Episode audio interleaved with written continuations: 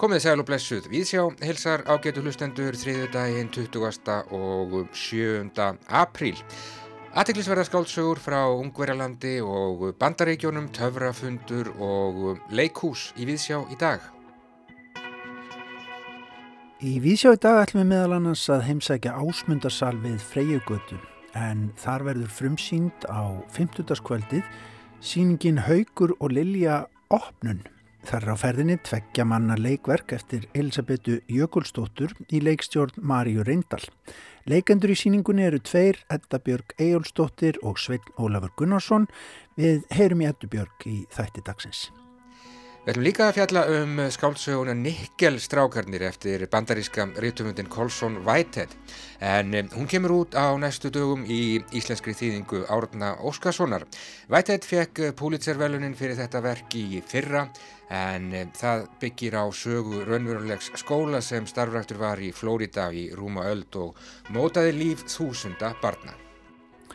Í sjónrýni pislidagsins fer Ólaf Gerður Sigfúrsdóttir á síningu spænsk-íslenska listamanna tvíekisins Líbjö Kastró og Ólafs Ólafssonar töfrafundur áratug síðar sem hann nú stendur yfir í Hafnarborg menningar og listamiðstu Hafnarfjörðar. Sýningin fjallar um stjórnarskrármálið svo kallaða og reyfir við áhórandunum með því að færa flókin pólitísk álitamál yfir á heið listræna svið og út til almennings. Og Gauti Kristmánsson, bókmyndagagreinandi viðsjár, hann fjallar í dag um skáldsöguna Dyrnar eftir um, ungverska réttöfundin Mögdu Sjabó sem kom út í íslenskri þýðingu Guðrunar Hannesdóttur á síðasta ári. Þetta er bók sem kom fyrst út árið 1987 og vakti þá mikla aðtikli og fekk verðskuldað lof Guðrún Hannesdóttir, hún hlaut íslensku þýðingavelunin fyrir þetta verk fyrir á þessu ári. Við byrjum á því að revja upp umfjöllunum aðteklisverða skáltsóðu sem að koma út á síðasta ári en er nú væntanlegi íslenskri þýðingu. Við byrjum viðsjá í dag fyrir vestan haf.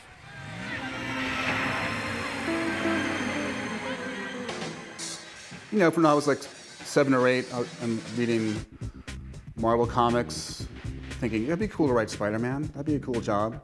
You know, it's sort of overcast outside today, and this is my perfect day growing up. Um, I could just watch Twilight Zone reruns on UHF, uh, read comics, uh, science fiction, and no one's going to say, can you go outside like a real boy and, do sports or go swimming?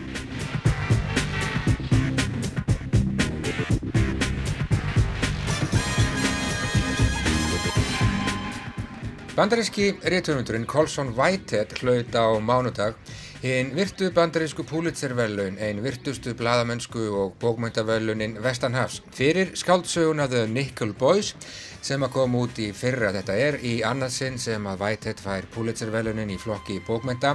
Það hafa yngist þrýr réttöfundar afreikað áður bandarísku réttöfundarnir Booth Tarkington, William nokkur Faulkner og John Updike. My parents taught me that one, I can do whatever I want in the world if I put my mind to it.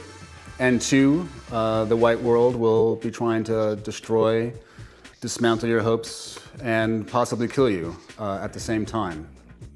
Whitehead fekk Pulitzer-velunin fyrir skáldsöguna The Underground Railroad árið 2017. Hann er marg velunadur en áður hafði bandaríska tímaritið Time útnefnt The Nickel Boys, eina af merkustu bókum síðasta áratugar.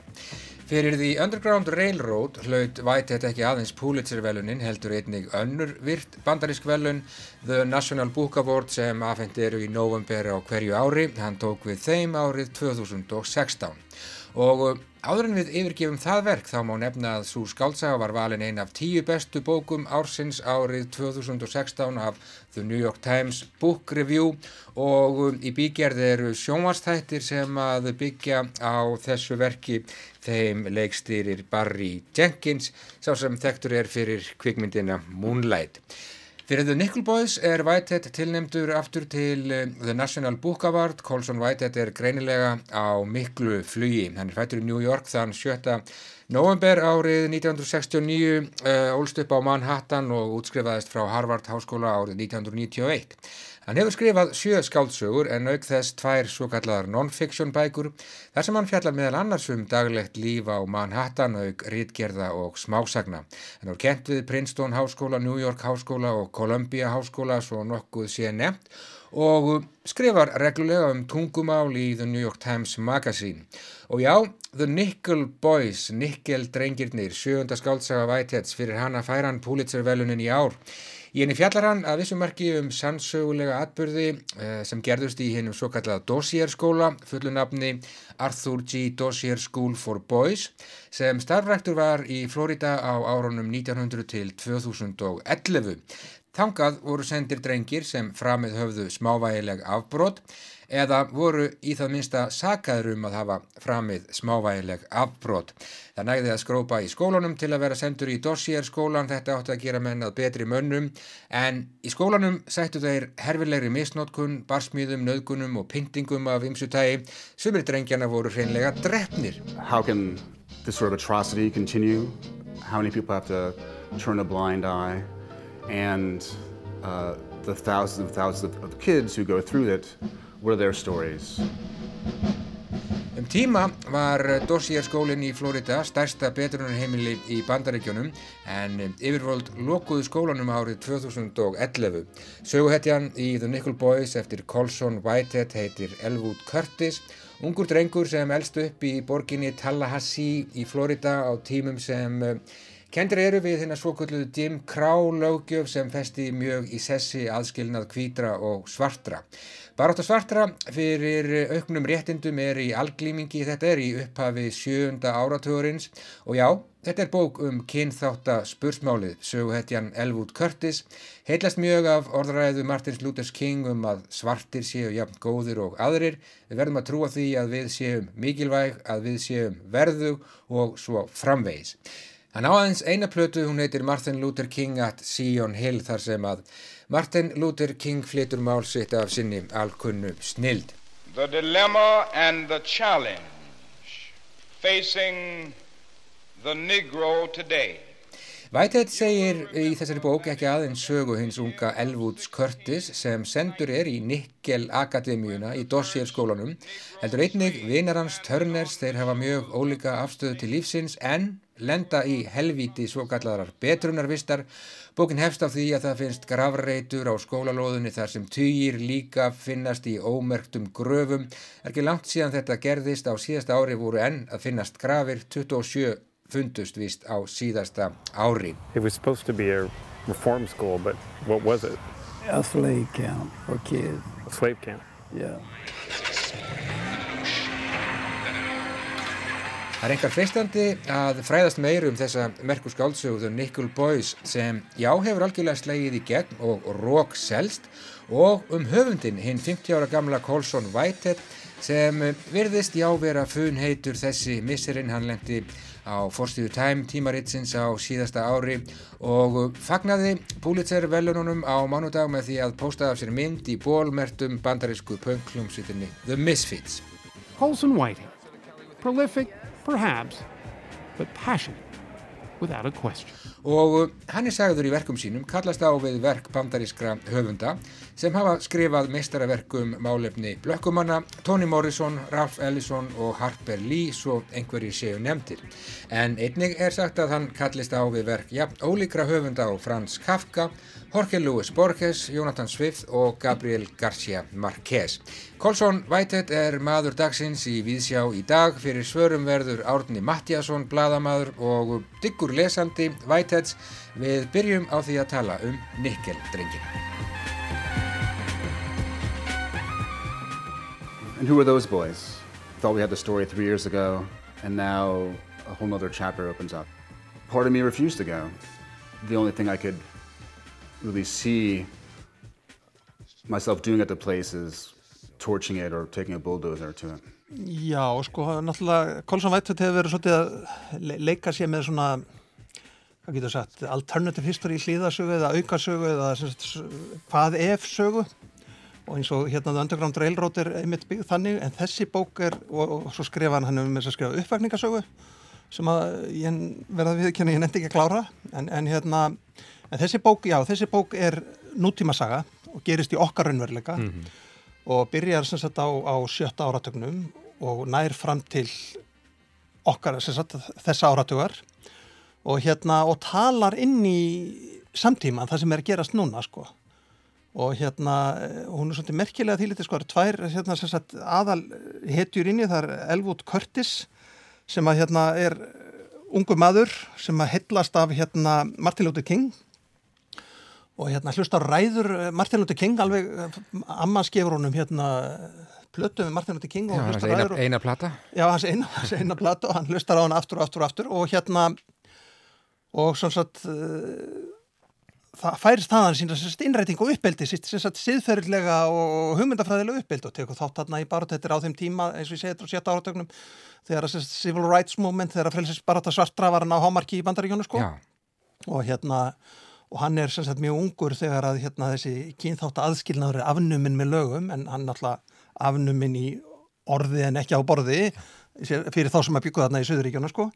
En hérna þannig að hann er svona byrtingamind uh, þessarar hérna hugsuna sko eða þú ert góður eða þú ert þægur eða þú ert duglegur að læra og ert klár og kurteis að þá kemstu áfram í heiminum. Já, ég er eins góður og hver annar. Já, já, akkurat. Og það er það sem að læra um náttúrulega að hlusta þessar ræður. Þessar ræður hérna, eh, Martin Luther King er svona líkill að þessari bók sko. Og það er, þessi, það er þetta um sjálfsverðingu þú verður semst að hafa sjálfsverðingu og þú þarf að hérna, treysta sjálfan þig. Og það er sama hvaða ofbeldi þið beitið okkur. Við munum ekki hætta að elska Já, stingið okkur í fangelsi og við munum samt við munum samt ykkur. elska ykkur, Já. segir hann. Og okkar ást mun sigra. Og hérna hann sem sagt lendir í þeim hremmingum að hann er hérna, hann er með bóðið að fara í skóla, þetta er náttúrulega á tímum alveg hrikalegs kynþátta aðskinaðal og mikil kynþátta hatturs. Og er svolítið svona, það er svolítið erfitt að lesa, lesa þá kabla en honum er bóðið sem að fara í skóla sem hann þykkur og er á leiðinni þangað á puttanum og það stoppa bíl og tekur hann upp í og hann veit það ekki en sá sem er að kera bílinn var nýbúin að stela Já. og þannig að þá er hann settur á upptökuheimili eh, því að hann var svo ungur. Og það er bara það er bara í samt bandarísku lögum eða sest upp í bíl hjá hérna einhverju sem er búin að stela bíl þá ert þú orðinn a- meðsekur þó þú vitir ekki að bílum hafi verið stólu ég tala nú ekki um eða svartur. Já. þá ertu bara fakt sko, það er bara þannig. Og hann er settur þar inn og hann sagt, heldur í sínar sagt, hérna, í sínar hugssjónir hann heldur svolítið fast í þær Já. og er svolítið gegstýrur á þeim. Og í, í sagt, þessum hérna, í þessu hérna, upptökuheimili sem eru náttúrulega sem það sem eru blandaðir unglingar hvítur og svartir það er náttúrulega kynþátt aðskilnaður innan heimilisins og þar er hérna svörtu er náttúrulega á botninum og þar er hérna satisti sem stjórnar og beitir hrikalega opeldi og sem minni, þetta minni svolítið á til dæmis breyðavíkur málið okkar á Íslandi það sem að hugsaðum það. ungi strákar eru breytir hrikalega opeldi þeir reyna að segja frá en engi vill hlusta Já. og það sa- sama gerist þarna Já, þetta er betrunarhæli, í, Já. við erum stöndi í Flórida, þetta hæli var rekið sko í heila öld og þar átti nú aldeilis að gera góða hluti Já, já. og bæta hérna unga já. innan gæsa lappa því að sakirnar voru ekki alltaf stórar. og það, það er, sem kemur einmitt snemmi í bókinni og bókin byrjar eiginlega á því að það menn finna hérna kirkjugarð. Já, Það verið- grafir. Ómerktar grafir, fullt af ómertum gröfum. Og svo þegar þið fara að grafa upp þá sem eru þar af því að þá að, þá að reynsa svæðið og það er talað svolítið um það sko þessi pressa í bandaríkjum nei við erum bara að reynsa þetta svæðið svo við getum hérna farið að byggja þarna. Svo að peningatinn geti komist áfram sko. Já. og hérna og þegar menn fara að grafa þarna upp sem sagt beinagrindur að þá er þar margar mjög illa farnar og beinbrot og, og maður getur bara rétt ímynd þessi já, ólýsanlegur. ólýsanlegur, ólýsanlegur. En nákvæmlega. sagt hann kynnist þarna það er svolítið skemmtilegt, hann er svo s- smartu höfundur, hann Goldsson Whitehead að hann kynnist þarna sem sagt Jack Turner verði besti vinn hans. Já, og Jack Turner er hinn hlýðin á þessu. Allt aðra sín. allt það er að sín, hann er sem sagt veit það að það er enga treysta. Hann veit það að, að bandarist samfélagið er byggt upp af, af hérna, hann, hann veit það sem sagt innra með þess er ekki að hann geti tjáð þess að hugsa sína. Að bandarist samfélagið er byggt upp af, af hérna, kynþáttahatri og ofbeldi og þjóðarmorði og, og kúun og arðráni og það er bara, það er bandarist samfélagið er þannig byggt. Þannig að hann er hinliðin á þessu. Já, og þannig höfum við semst þennan dreng hugssjóna hérna, dreng sem er opáslega vel gáðaður, mikið gáðaður og, og lærir bara sjálfum sér og góður og metnaðafullur Já. og svo hefur þennan sem er svona svolítið harður og, og slunginn og skeftískur og þeir verða miklu vinni sko. Og við förum, við erum leittir inn í þennan hryllingi í þessari Nikkel Akademíu, svo kulluðu. Um, mér skilst nú að bara hreinlega síðast í fyrra við hafum en ennþá verið að grafa upp e, á skólalóðunni þarna í, í, í Florida og finna 25 eða 29 lík. Já, það sem er svo, svo hérna, stekt í þessu að það vissut allir. Já. Það vissut allir og allir vissut, alveg saman með breyðvíkustrákana. Það viss allir á vestfjörðum hvað var að gangi breyðvík. Mm -hmm. Þú veist, engi saði neitt okkur að þetta var bara svona. Já og það sama er þarna sko og það er það sem er svo hryllilegt líka þegar maður horfið tilbaka Já, sko hann fær Pulitzer-veljun fyrir þessa bók uh, The Nickel Boys, Nickel drengirnir sannlega mögnuð saga og það er, það er verið að setja hann í samhengi bara við uh, höfundaborðir Ralph Ellison, Toni Morrison Harper Lee, þetta er fólk sem hefur skrifað einna bestum um þessi kynþáttamál, hvað sko uh, það er náttúrulega stór merkilegt að, að sko, þetta er mál sem að fer aldrei frá bandarækjumönum mm. og Colson Whitehead hefur sjálfur sagt sko að það að verað ungur blökkumadur í Florida ára 1962, það mm. hafði ekkit verið ólíkt því að vera ungur blökkumadur í New York 1986, þú gast alltaf átt vona því að það gripi einhver inn í lífðitt og umturnaði því á einu auga bræði, ekkert breyst á mörgum ára. Það er náttúrulega, eins og við töluðum um að þessi bóki skrifið inn í samtíman að, að hérna, hver er fórsiti bandaringin dag? Hann er fórsiti kvítafólksis. Hann hefur ekki meiri hlut að fylgi hjá neinum nema kvítum kjósendum. Þannig að hann hefur gríðalegt fylgi þar. Já og þar sem hann vinnur þau fylgir sem hann vinna hann er náttúrulega með minni hluta atkvæða á bakviðs í raun og veru kakvart samborðið Hillary Clinton, hún er með fleiri atkvæða á bakviðs en hann, miklu fleiri.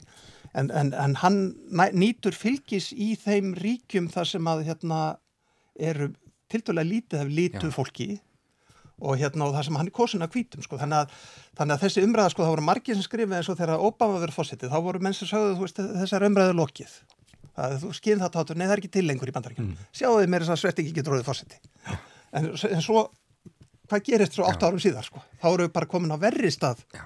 en áður sko, þannig að hann er að skrifa beint inn í það beint inn í þennan samtíma. Beint inn í þennan samtíma Já. og hann er að sína með þetta eins og þú segir réttilega að já, New York á nýjönda áratögnum sem að sagan best þangað að þá ert ekki örugur eða trastur og í dag, 2020, þá er þetta ekkert örugur eða trastur, vegna þess að hvena sem er getur gripin sérstaklega og byrði í, í semst ákveðinu fylgjum í bandaríkjónu sko. Já, talandum Barack Obama, hann mælti nú vist með þessari bók sem heitir The Underground Railroad sem kom út árið 2016 og já, eins og áður segir, þá fekk eh, Colson Whitehead eh, Pulitzer velun fyrir þá bók og National Book Award sömu leiðis, sko við hefum ekki langan tíma árni en þessi maður er greinilega á miklu flugi já, og ég hýtti að spyrja því hvers já, vegna, hvað Já, sko, Hvað gerir hann svona merkilega? Hann er náttúrulega, eins og við segjum, hann er að tækla þarna mjög erfið mál sem að bandarist samfélag hefur ekki viljað að horfast í augu við og það gera það mjög vel. En þessar bækur eru rosalega ólíkar eins og Underground Railroad er svona hlýðarsaga, aukasaga, alternative saga. Mm. Það sem að hérna er í raunveru í staði fyrir hús sem að fólk að flutta á milli þá er raunveruleg neðajarðar jafnbrönd sem að berga fólki. Fólk er að flýja frá söðunni og norður. Hún er, hún er skrifuð, hún er alveg gríðarlega vel skrifuð gríðarlega vel skrifuð, tæknilega séð opáslega vel skrifuð og, og hvernig fylgin sem að þrællin kóra fyrir gegnum verða tákmyndi fyrir bandari samfélag rosalega vel gert Já. en Nickel Boys hún talar til manns á annan hátt sko. hún talar miklu meira beint við hjartaðið manni mm -hmm. þannig ég myndi, sko Nickel Boys er algjörlega frábær bók Já. og miklu betri, eða miklu betri talsveit betri heldur en heldur en Underground Railroad sko. Svo rannum sem heitir Sag Harbor ekki Já, það er eiginlega svona byggt svolítið á hans hérna, ég las hana fyrir nokkrum árum, það er svona byggt á eiginlega hans æsku minningum sem, sem ungur svartur maður, svona efri miðstjætt, miðstjætt, efri miðstjætt í bandaríkjónum í Sag Harbor sem er hérna í Hamptons í New, Long Island Já, sem er svona sumalegu staði fyrir ríkt fólk sko. það er svona svolítið þroskasaga. Ristir ekki eins djúft sko en samt sér maður þar svona ávæninga því sem að var í vendum. Já, ég skilst að næsta saga eftir Colson Whitehead verði glæbasaga sem að gerist í Harlem á sjönda áratögnum. Hann held upp á það að fá Pulitzer-veljun í bókmyndum með því að klæðast ból með mynd af uh, hljómsveitinni The Misfits já, framan á. Það er náttúrulega engin, engin samkoma en hann postaði mynd af sér af, af þessu tilefni með, og, og vottaði þessari hljómsveit virðingu sína. En Colson Whitehead, það er sannlega maður sem við ættum að lesa og ég brá mér nú bara í bóksölu studendatakk fyrir gæðir og, og náða að kaupa bæði Nickel Boys og The Underground Railroad. Mér finnst það vel að sér vikið í Reykjavík árið 2020 að geta fengið svona nýjar og góðar bækur. Það er mjög eftirsoknarvert en þú mælir með Colson Whitehead. Algjörlega, algjörlega, já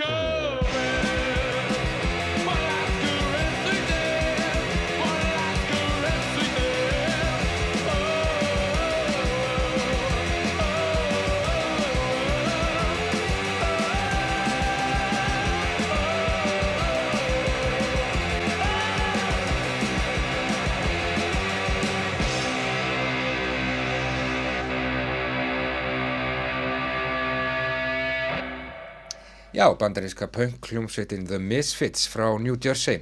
Hér spiluð fyrir bandaríska réttöfundin Colson Whitehead skáltsaga hans Nikkel Strákarnir í íslenskri þýðingu Árna Óskarssonar. Kemur út hjá Bjarti eftir nokkra daga sjálfsagt að vekja aðtikli á henni. Whitehead fekk Pulitzer-velun fyrir þessa bók á síðasta ári. Þessi umfjöldun áður á dagskraf hér í Víðsjá í mæ í fyrra. Og meira af bókmöntum dyrnar nefnist aðtiklisverð skáltsaga eftir ungverska réttufundin Mötu Sjabó en eh, hún kom út í íslenskri þýðingu Guðrúnar Hannesdóttur á síðasta ári. Guðrún hlaut fyrr á þessu ári íslensku þýðingavelunin fyrir þetta verk. Þetta er bók sem kom fyrst út árið 1987 og vakti þá mikla aðtikli og fekk mikið lof en Magda Sjabó hún var einn kunnasti og virtasti Rítumundur Ungverja á setni hluta 20. aldar fætt árið 1917 dáin árið 2007. Gauti Krismarsson, hann er búin að lesa og við skulum gefa honum orðið. Íslensku þýðingaverlunin voru veitt á dögunum og komu þegar þessu sinni í hlut Guðrunar Hannesdóttur fyrir þýðingu sína á skáldsögunni Dyrnar eftir ungversku skáldkonuna Mögdu Sjabó sem í dag er einn virtasti höfundur á ungverska tungu frá síðustu öld þótt hún hafi lengi þurft að kvíla í skugga alræðis kommunista þar í landi. Hún fættist 1917 og lést árið 2007, en þessi saga er frá árinu 1987. Þýðingin er ekki beint upp úr frumálinu, en hún var borin saman við frumtekstana Veróniku Egget og stendur sem skáldverk á íslensku fyrir sínu og vel það. Verkið hefur lotið mikið lof eftir að það fór að koma út á Vesturlöndum á þessari öld og eftir lesturinn geti sagt fyrir mig að það er fyllilega verðskuldað. Í sögunni eru tvær konur í aðalutverkum og er sagan sögð í fyrstu personu og byggir að einhverju leiti á æfi Sjabó eins og framkemur í eftirmála þýðanda um höfundin. Sögukonan er ritthöfundur eins og einmaður hennar eða hann vinnur að mistakosti að rittstörfum, það kemur ekki nánar fram, en þau starfa bæði alla daga við rittfélag sínar. Í upphafi sögur ræður hún heimilshjálpina Eimir Önsu til starfa sem sannarlega er kona af stóru sniði, þóttun sín ánast ólæs og óskrifandi. Samskipti þeirra eru átakasum allan tíman en um leiður þær háðar hvort annari, elska hvort aðra eins og tekið er fram oftar en einu sinni. Eimir Önsa tekur að vissu liti völdin í lífi þeirra hjóna án þess þó að þau þurfi beinlinis að beigja sig undir hana. Þau vinna áfram að rittstorum sínum og sögukonan slær meiri segi gegn hlýtur einhver merkileg verðlaun og verður nánast einhvers konar menningarsendi herra þjóða sinnar. En þótt sagan segir fyrst og fremst sögu þessar að tveggja kvenna, þá endur spekla þær ímsa þætti 20. aldar með snildarlegum hætti.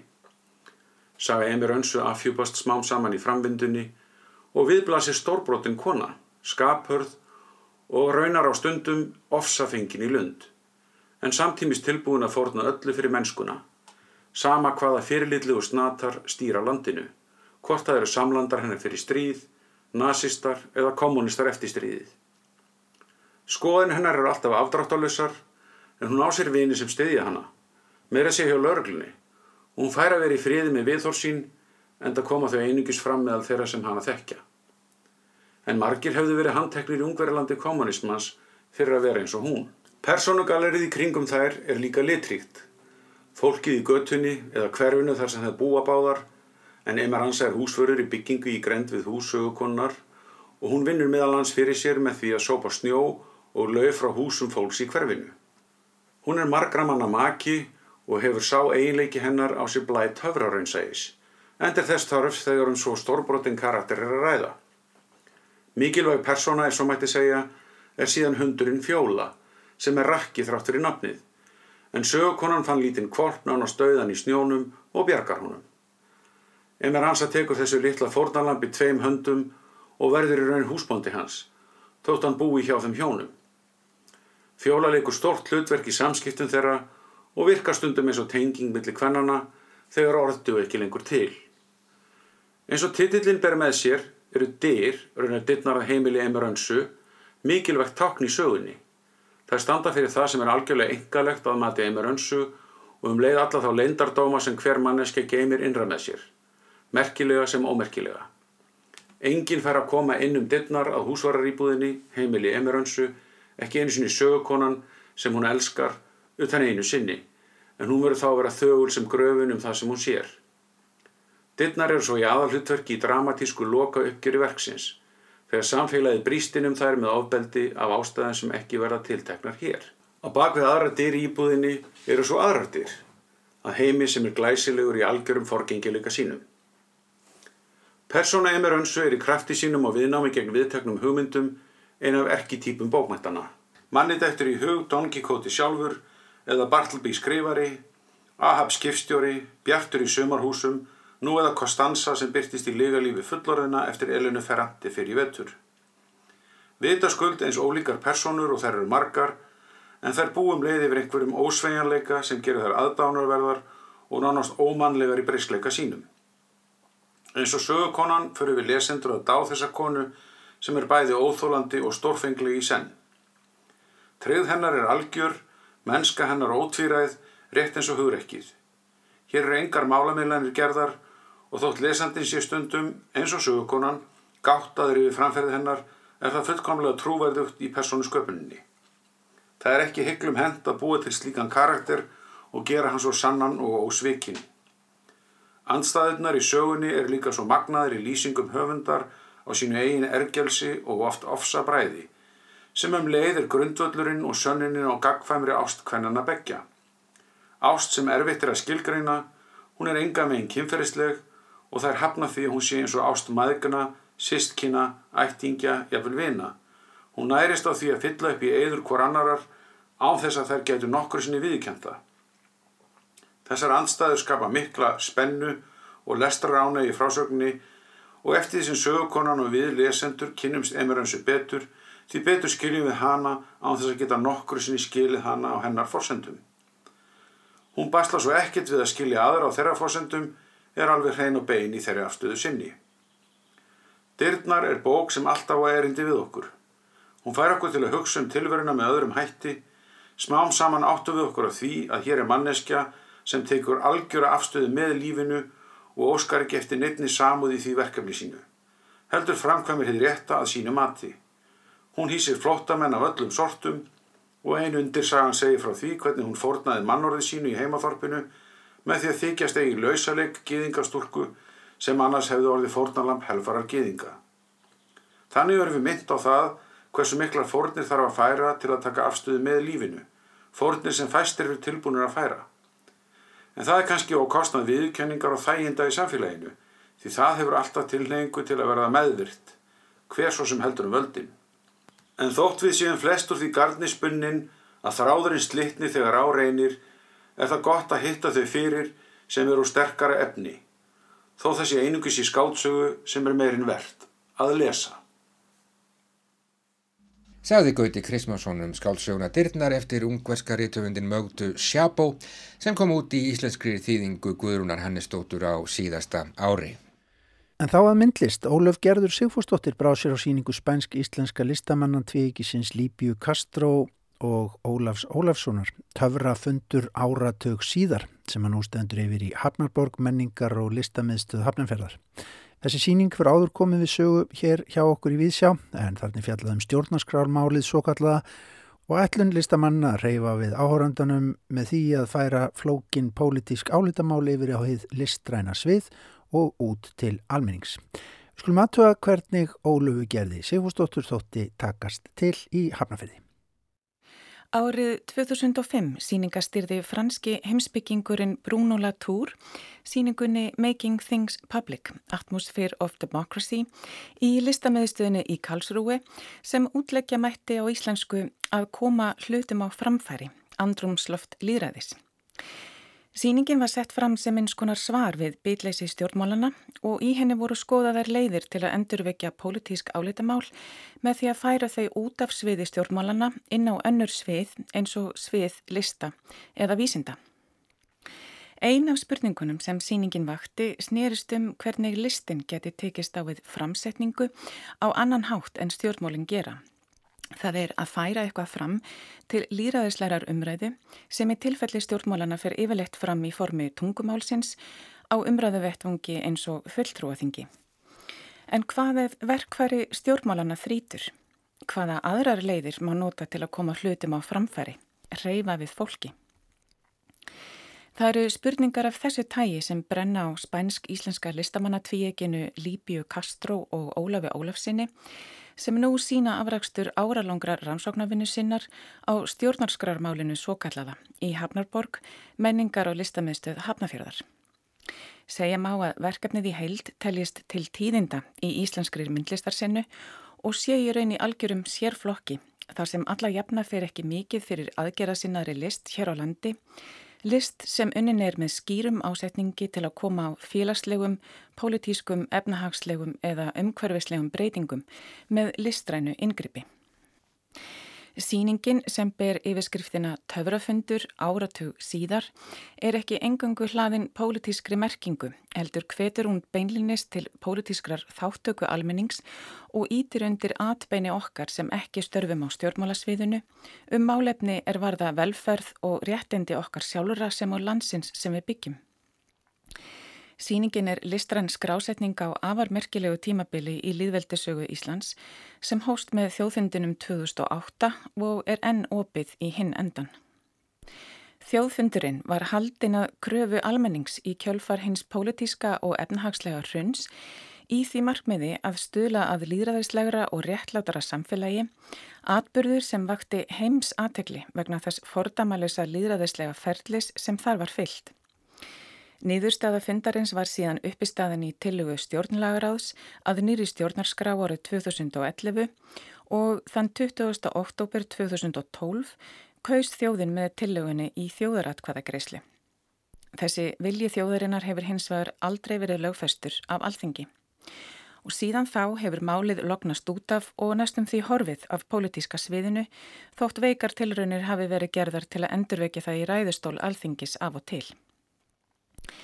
Nú hafa Líbia og Ólafur endurvækið þetta klúðuslega mál og skipulagt eins konar björgunaraðgerð með því að standa fyrir umfangsmiklum þáttökugjörningi sem fluttur var í listarsafni Reykjavíkur í oktober síðasleunum undir yfirskriftinni í leit að töfrum tillega að nýri stjórnarskrá fyrir líðveldið Ísland.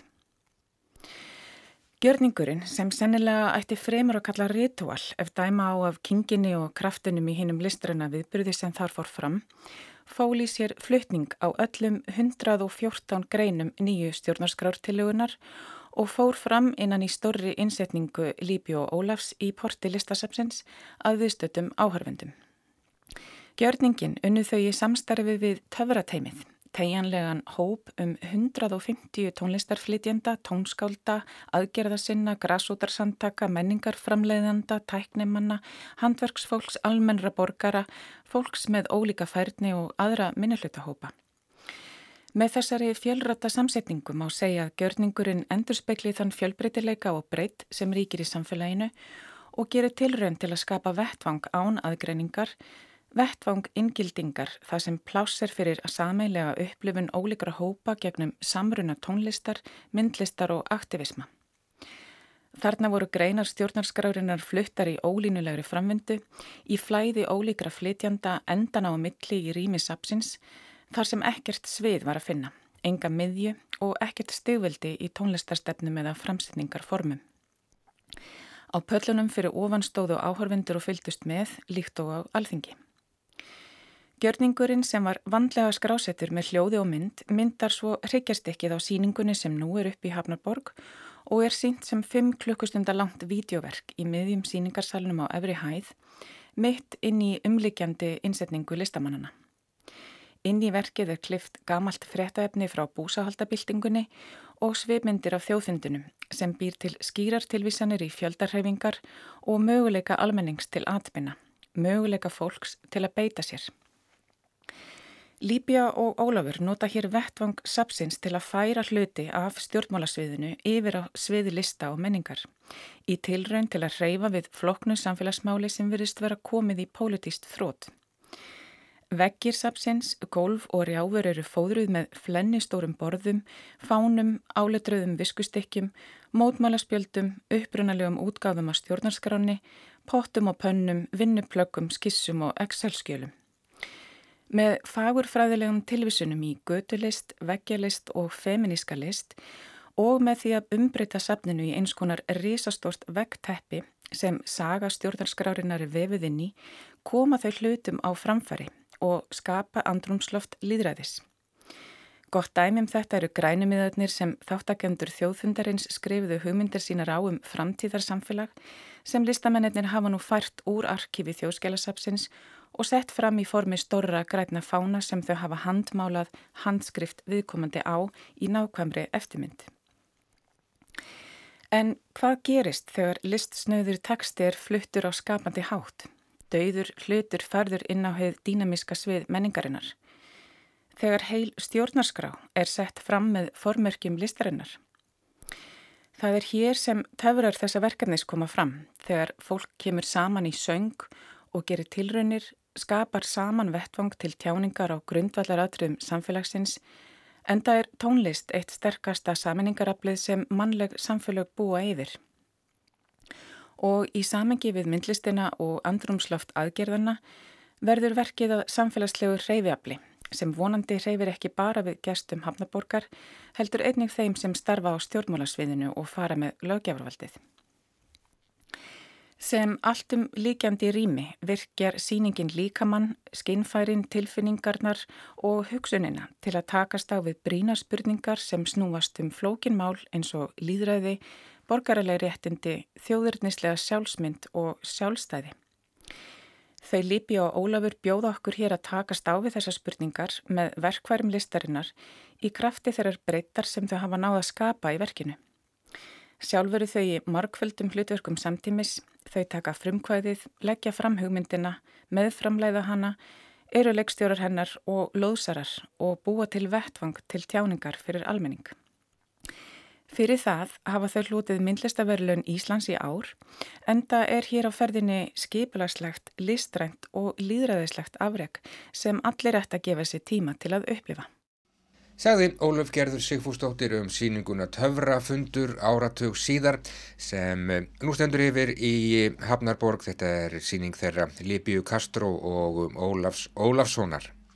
En eh, nú klokkan fjögur þá var tilkynnt í Gunnars húsi, húsi Rítuhundasambands Íslands, hvaða bækur eru tilnemdar til eh, mæstjörnunar. Þetta eru Ljóðabókavelun Rítuhundasambandsins og Landsbókasaps Íslands Háskólabókasaps en eh, þau verða veitt í fymta sinn þann 18. mæ næstkomandi.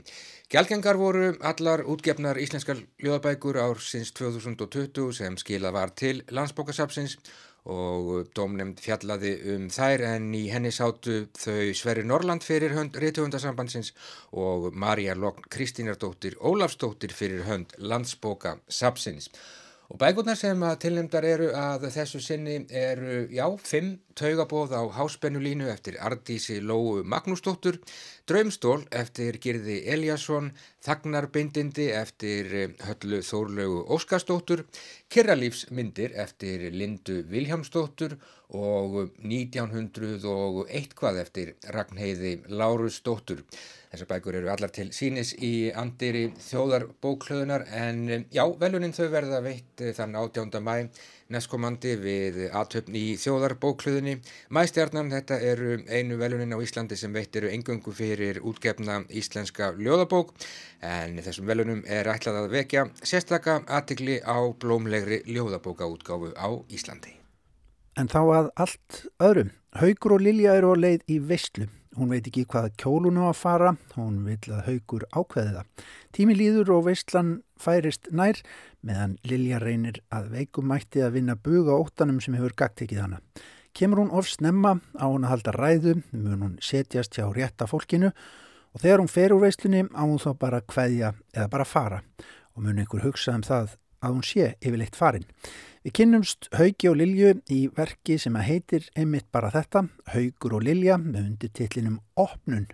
Þetta er síning sem er verið að setja upp í ásmundarsal við Freyjugötu, verður frumsýnd þar á 50. kvöldið. Leikendur í síningunni eru tveir, Edda Björg Ejólfsdóttir og Sveitn Ólafur Gunnarsson, þau leika þar undir leikstjórn Marju Reyndal. Höfunduverksins er Elisabeth Jökulsdóttir en annar leikarana Edda Björg Ejólfsdóttir tók á mót okkur í ásmundarsal og sað okkur frá verkinu.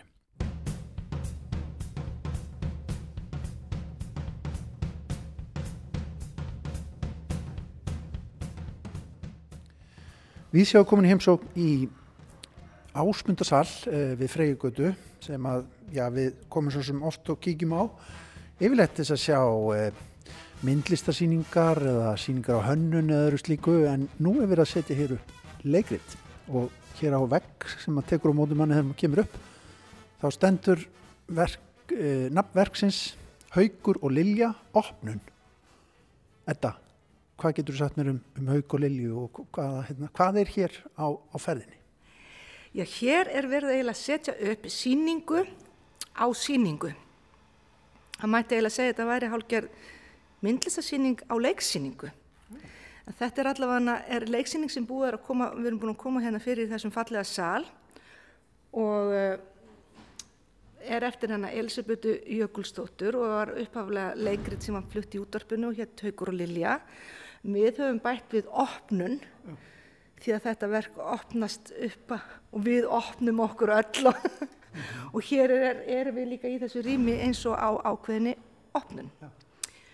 Alltaf eins og sviði. Svona. Já, já, þetta er svona, við, það er svolítið búið að blörra út línurnar á milli listgreina. Við erum, við erum með leikús og við erum með eins og myndlistar opnun eða síningu mm -hmm. og tekstarnir hennar eru komnir henni hérna ramma upp um alla veggi mm -hmm. Þetta eru brotur verkinu Þetta eru brotur verkinu og, og það eru svona ég kalla þetta svona samantækt eða úrvinnsla á tilfinningum og líðan sem að Elisabeth er náttúrulega snillingur í að færa í orð. Og margt af þessu eru bara svona eins og hálgjara tilvitnarnir eða kvót og svona lætur mann líða vel að því að maður, maður skilur þetta betur mm -hmm. síð sjálfan. Eins og hérna er eitt, maður skilur ekki neitt fyrir maður er tilbúin að skilja það. Já, stundum verður bara allt svo rosalegt það er svona, þetta er svona hérna síðan erum við líka með tónlistamenn það verður tveir tónlistamenn með okkur hann Dotti á trómum og, og Stefán Már á, á gítar og, og kontrabassa og, og það er gaman að þetta sé óhefbundið Já. að því verkið er óhefbundið og rýmið er óhefbundið og öll uppsetningin verður þá svona samrunni alls ja. og það er líka kannski á þessum tímum þurfum við að, svolítið að hugsa hlutina upp og nýtt mm -hmm.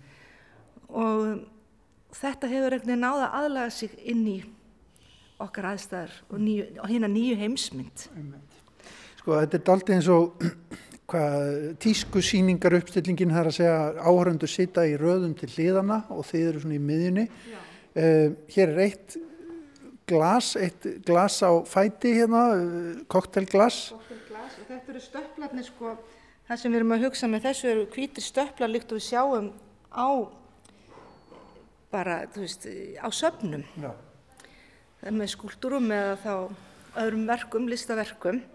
Þannig að það má segja að við séum vist listaverki, leikaran, textin, uh, propsið, þú veist, það er gaman að hugsa þetta þannig að leikhúsið er komið inn í, inn í þetta rými sem sapn, myndlistarsýning og það sem er á söfnum og, og, og já, listasöfnum.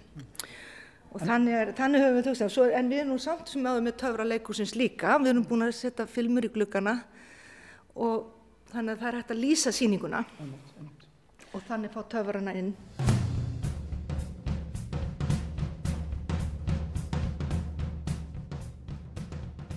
En Haugur og Lilja, þú ert Lilja í hlutverki Lilju og, og Sveitn Ólaug Gunnarsson er, er, er Haugur. Já.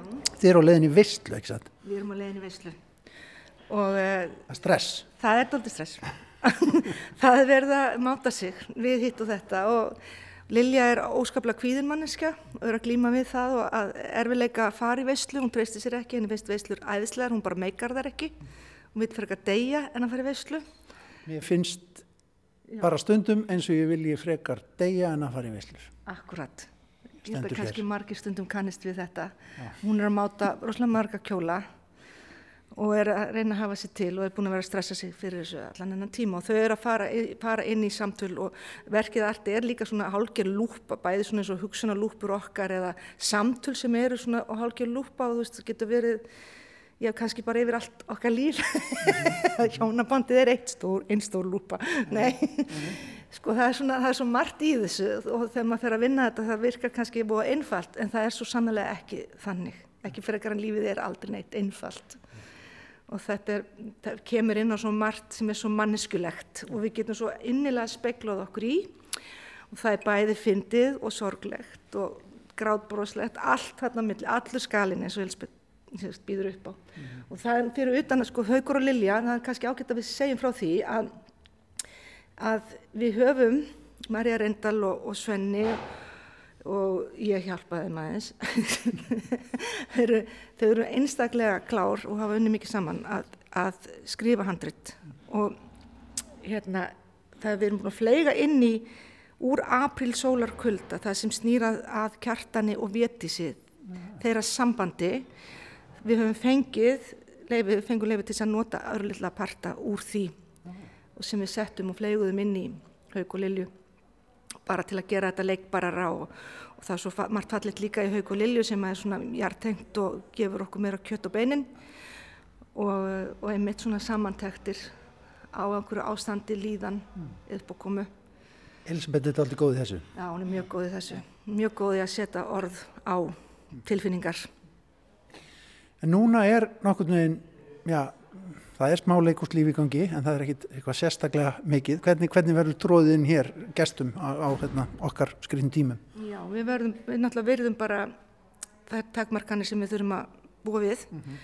og við svo sem erum með hérna 22 eða 4 í sæti mm og það er bara á milli skiluru og við hefðum geta haft fleiri sko því að við erum náttúrulega bara tvö að leika og tveir, þú veist, en það rýmur raun og veru býður ekki upp á fleiri þannig að það er, það er námt en með ákveðnum takmörkunum og, og sem að fer þessari síningu ákvæmlega vel og þó þrátt fyrir þessar takmarkanir þá efast ég um að við höfum gert þetta á nokkurn hátt öðruvísi. Það er lítil síning sem slík og sem að er sjarmirandi af því hún er lítil og hún er, þú, þú ert nálagt okkur og slíkt sko. En sko, þetta tekur 50 mínútur í flutningi. Tveir leikarar, komast þau í, í partíið, Haugur og Lilja, eða, eða við, þurfum að mæta til þess að fá að vita það? Þú þarfst að mæta bara held. Já, það er svona, það er bara, það er kannski bara líka tólkunaratrið sko. Þau fara í gegnum og yfir ákveðna þröskulda og í gegnum svona ákveða ástand eða, eða samtal. Já. Gegnum sig og sitt. Gegnum sig og sitt Já. og sig saman og þetta svona kurlast allt saman í eitthvað eitt og það er svona þessi existenskalíska, hvað segir maður, þú veist þessi tilvistar óti eða kreppa eða og þetta, þú veist, sem er bara tilherir manneskunni, við fæðumst einn og degjum einn og, og ótin við það að elska og vera elskaður, vera elskaður ekki, vera hafnað eða einmannanleikin eða og vera með mörgum eða vera einn. Þetta er alltaf þessi glíma og það mikið við erum tilbúin til að afhjúpa þá glímu er kannski það sem þetta verk fjallarum. Takk kærlega fyrir, ég sé bara gangu vel þeir að fara frumsýna á 15. kvöld, ekki satt? Hvað verður það að segja marga síningar? Hvernig, hvernig er best að snúa sér í því? Já, er, þetta verður átta síningar þá þurfum við bara er þessum tímabili hérna í salnum lokið og það bara hendar alveg ágætlega bara fyllum þessar áttasýningar og, og höldum glöð inn í sumarið.